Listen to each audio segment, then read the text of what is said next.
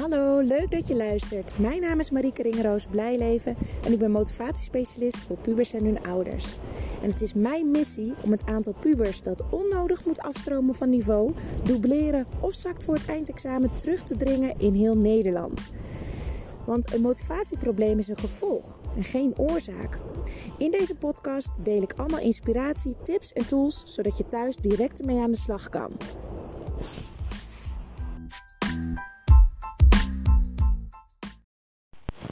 Hey, superleuk dat je weer luistert naar de nieuwe aflevering van mijn podcast. Ik heb vanmorgen een heel mooi gesprek via Zoom gehad met uh, een begrafenisondernemer, een uitvaartondernemer. En daar komt nog een podcast uh, over, of met hem samen. Die ga ik volgende week opnemen. Um, en we hebben, ja, wij, als wij eenmaal beginnen te praten, dan, dan stoppen we niet meer. Dus dat is, er kwam heel veel aan bod. En een van de dingen is dat ik merk bij mijn klanten dat er nog steeds een hele erge taboe is op het delen van opvoedingsproblematiek of worstelingen met jezelf als ouder of niet meer weten hoe je met je kind of je puber om moet gaan. En toen dacht ik, ja, wat zorgt er nou eigenlijk voor dat die taboe er is?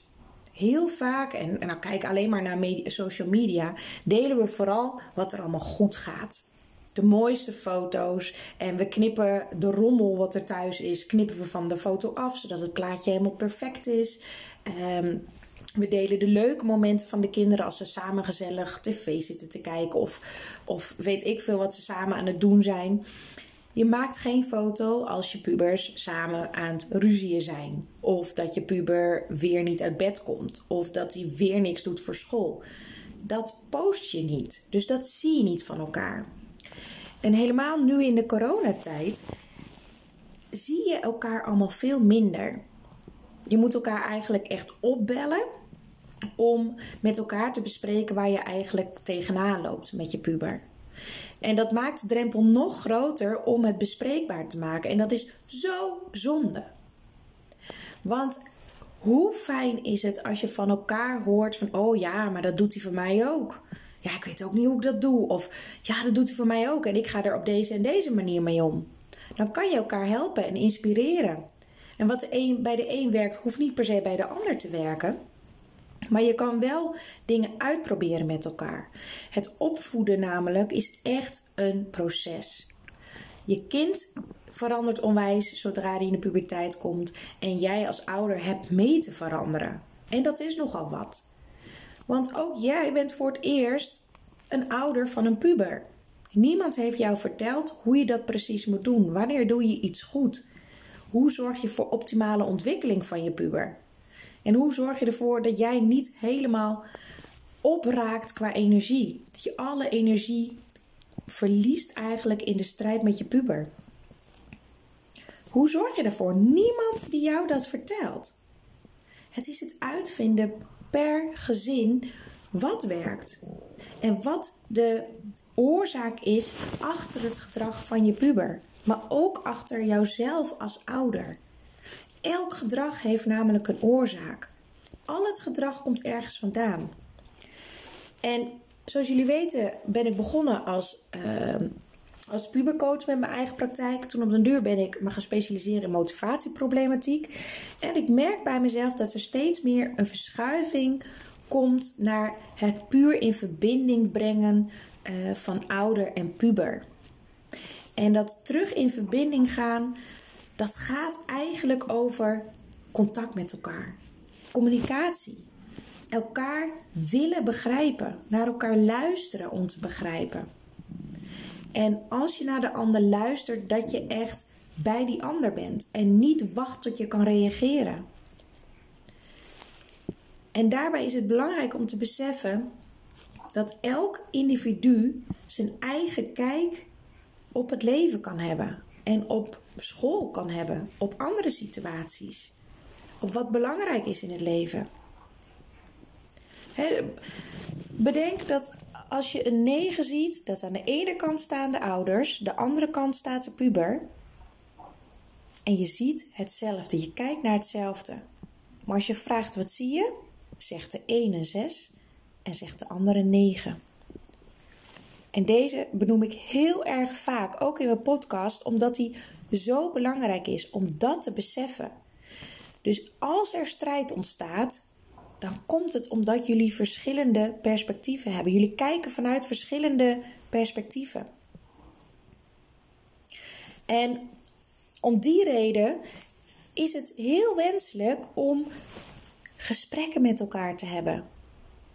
En om te weten hoe je gesprekken kan voeren, is het fijn als je tips en tools krijgt. Dat kan van vriendinnen zijn, dat kan van een professional zijn. Dat maakt niet uit. Maar als jij onderdeel bent van de situatie, dan is het heel moeilijk om in een helikopterview ernaar te kijken.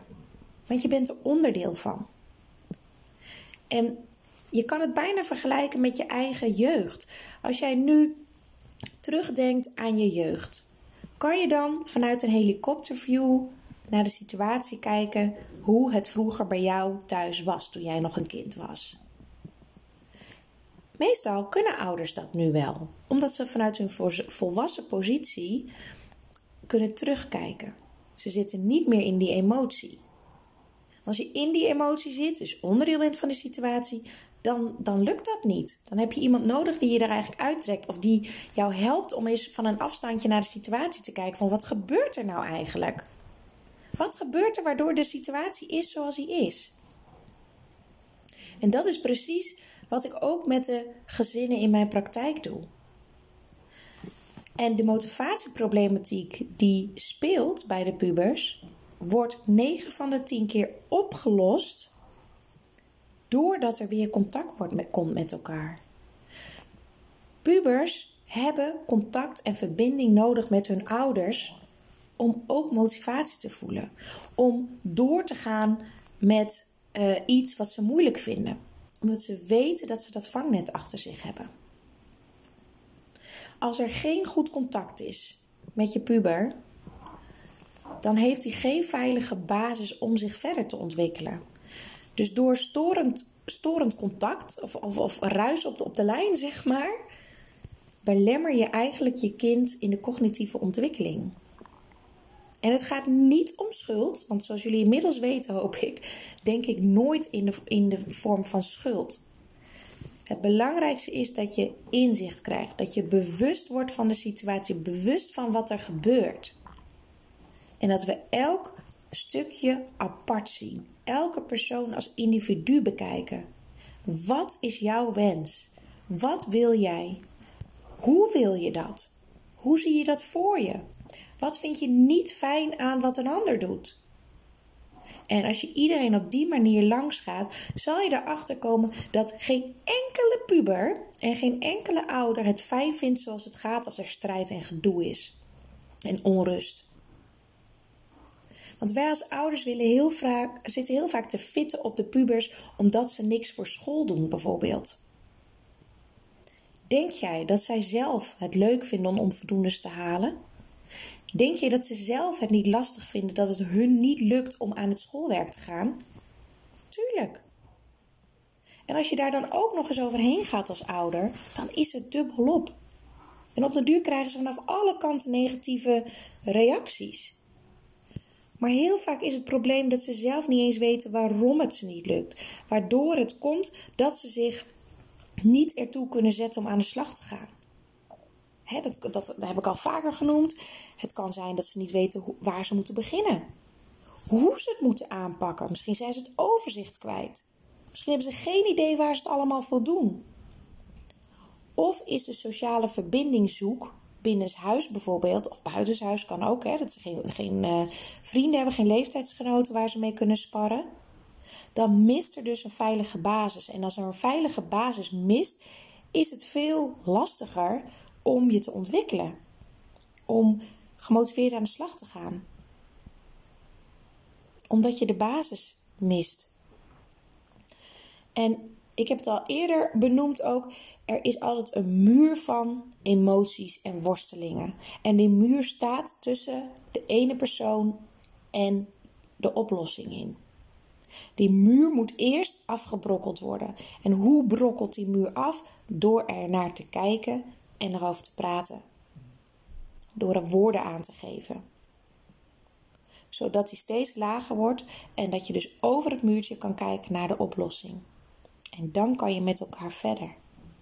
Dan ben je met elkaar terug in contact, terug in verbinding. En dan kun je stappen met elkaar gaan maken. En dat is eigenlijk de kern van alles. Vragen, vragen, vragen totdat je weet waar het misgaat. Welke verwachting heb jij als ouder? Welke verwachting heeft de puber? Welke behoefte heb jij als ouder? Welke behoefte heeft je puber? En dan is het de kunst om het te accepteren en te respecteren zoals een ieder daarnaar kijkt. Je hoeft het niet met elkaar eens te zijn. Maar je kan wel respecteren dat een ander de situatie anders bekijkt. En daar kan je met elkaar over praten. Van ja, hoe gaan we hier nou mee om? Jij vindt dat belangrijk, ik vind dat belangrijk. Dus die verbinding is de basis van alles en het contact. En dit komt heel mooi naar voren ook in, in het traject wat ik met de pubers in de praktijk doe. Ik begin met een kennismakingsgesprek met het hele gezin, of tenminste de puber en de beide ouders als dat mogelijk is om ieder zijn kant te laten vertellen. En je ziet ook vaak al in zo'n gesprek hoe uh, de verstandhouding is met elkaar, hoe ze op elkaar reageren enzovoort. De volgende stap zijn gesprekken met de puber alleen. Dan ga je kijken wat wil jij, wat vind jij belangrijk. En wat nieuw is nu in mijn, in mijn traject die in mijn praktijk plaatsvindt, is dat alle ouders die een traject afnemen vanaf nu standaard mijn online programma Positiviteit in de Puberteit erbij krijgen. En waarom doe ik dat? Dat doe ik omdat ik merk dat ouders behoefte hebben aan duidelijke handvatten. Handvatten om ehm, eh, ja, toe te passen zeg maar, in het contact met hun puber. En te begrijpen waar bepaald gedrag vandaan komt. Ook bij zichzelf. Want het is altijd een wisselwerking tussen de ouder en de puber. En het meest waardevolle van het totaalpakket is dat je, je, gaat naar jezelf kijken als ouder. Ik help met naar de puber te kijken wat hij wil.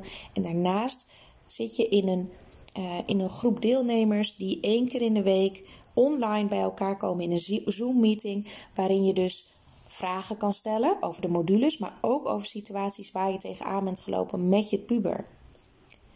En dan zal je zien dat anderen het herkennen. En dan oh, doet hij van jou dat ook? Jeetje zeg, ja. En hoe ga jij daarmee om? En ook daarin geef ik tips en je haalt eruit wat bij jou past. En doordat je het hele pakket hebt van ouders die begeleid worden en informatie en tips krijgen, de puber die begeleid wordt en tips krijgt, en dat je ook nog kan sparren met andere ouders, dat maakt het zo super waardevol. En ik vind het heel, heel, heel belangrijk dat we een veilige groep creëren van de deelnemers. En om die reden kies ik ervoor om het online programma uh, tegelijk te starten. En tussendoor in principe niemand meer erin toe te laten. Omdat je merkt dat je zes weken lang, één keer in de week, ga je iets opbouwen met elkaar. En daarom vind ik het heel belangrijk dat je een commitment aangaat met elkaar als deelnemers. Dat je elke week bij die online meeting bent. Je gaat elkaar leren kennen. Je gaat steeds meer van elkaar horen en begrijpen. Je gaat met elkaar meedenken. Je merkt dat je geen oordeel meer hebt over zaken, maar dat je dingen gaat begrijpen. En dat je ook van jezelf merkt: oh, jeetje, bij mij valt het best mee. Of ik merk dat het bij mij steeds beter gaat. Of oké, ik merk nu dat ik eigenlijk best wel heel veel toelaat. En, en heel veel toesta bij mijn puber als ik dit zo hoor van de anderen. Ik wil toch wat meer mijn grenzen gaan bewaken. Het zijn spiegeltjes allemaal. En ik ben er altijd bij aanwezig en zorg dat alles respectvol gebeurt. Ik moet eerlijk zeggen, bij de pilot ook heb ik geen moment daarover moeten ingrijpen of wat dan ook op dat gebied. Iedereen was super lief voor elkaar en heel waardevol. En, en nou ja, dat is echt, het is zo'n goede, mooie aanvulling om ook met andere ouders te kunnen sparren, omdat het gewoon te weinig gebeurt. Omdat we toch die taboe voelen. We hebben het idee dat we falen als ouder als we worstelen. Maar we worstelen allemaal, allemaal op onze eigen manier. En met ons eigen, onze eigen achtergrond en dergelijke.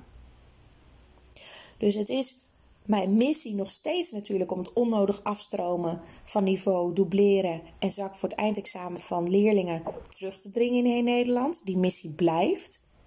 En daarnaast heb ik dus de missie om het taboe te doorbreken en mensen met elkaar in verbinding te brengen om elkaar te helpen rondom de opvoedworstelingen. En de opvoedworstelingen als ouder, maar ook met het begrijpen uh, van de andere ouder bijvoorbeeld. Het is veel breder dan alleen maar je puber namelijk. Ik kan niet vaak genoeg zeggen hoe erg ik alle ouders die worstelen met hun puber het gun om weer rust te creëren. Weer in contact te zijn. Weer um, gezien te worden. Hè? Het gevoel dat je gezien wordt. Geen knechtje meer voelen, maar in contact staat met, met je gezin. Dat jullie een gezin zijn, dat jullie een geheel zijn. En niet allemaal losse eilandjes. Dat je niet meer langer op eieren hoeft te lopen. Omdat je bang bent dat er weer een ruzie ontstaat. Maar dat je gewoon jezelf kan zijn. Dat je weet wat wenselijk is voor jouw puber. En wanneer je eventjes een stapje terug mag doen. Wanneer je mag loslaten. Wanneer je grenzen mag trekken. En hoe je dat doet. En wat je als je kind over de grens gaat. Dan weet je al die situaties dat je weet hoe je kan handelen. Dat je dat zelfvertrouwen voelt. Dat je jezelf ook een veel leukere ouder gaat vinden weer. En dat je je niet steeds machteloos hoeft te voelen en in strijd en het gevoel dat je het allemaal alleen moet doen en alleen moet oplossen. Dat wens ik alle ouders met pubers. En herken je jezelf erin? Alsjeblieft, ga meedoen. Doe mee. En woon je niet in de buurt van Lisse, waar de praktijk zit, dan kan je ook alleen het online programma volgen van positiviteit in de puberteit.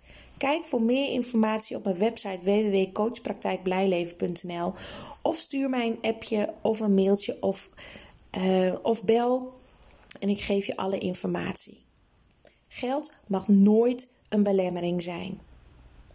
Je kan betalen in termijnen, daar komen we echt wel uit. Geld mag niet jou tegenhouden.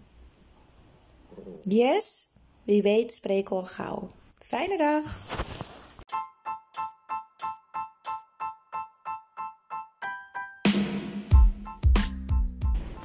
Bedankt voor het luisteren. Ik hoop dat je er veel informatie, tips en tools uit hebt kunnen halen die je zelf kan toepassen bij jou thuis met je puber.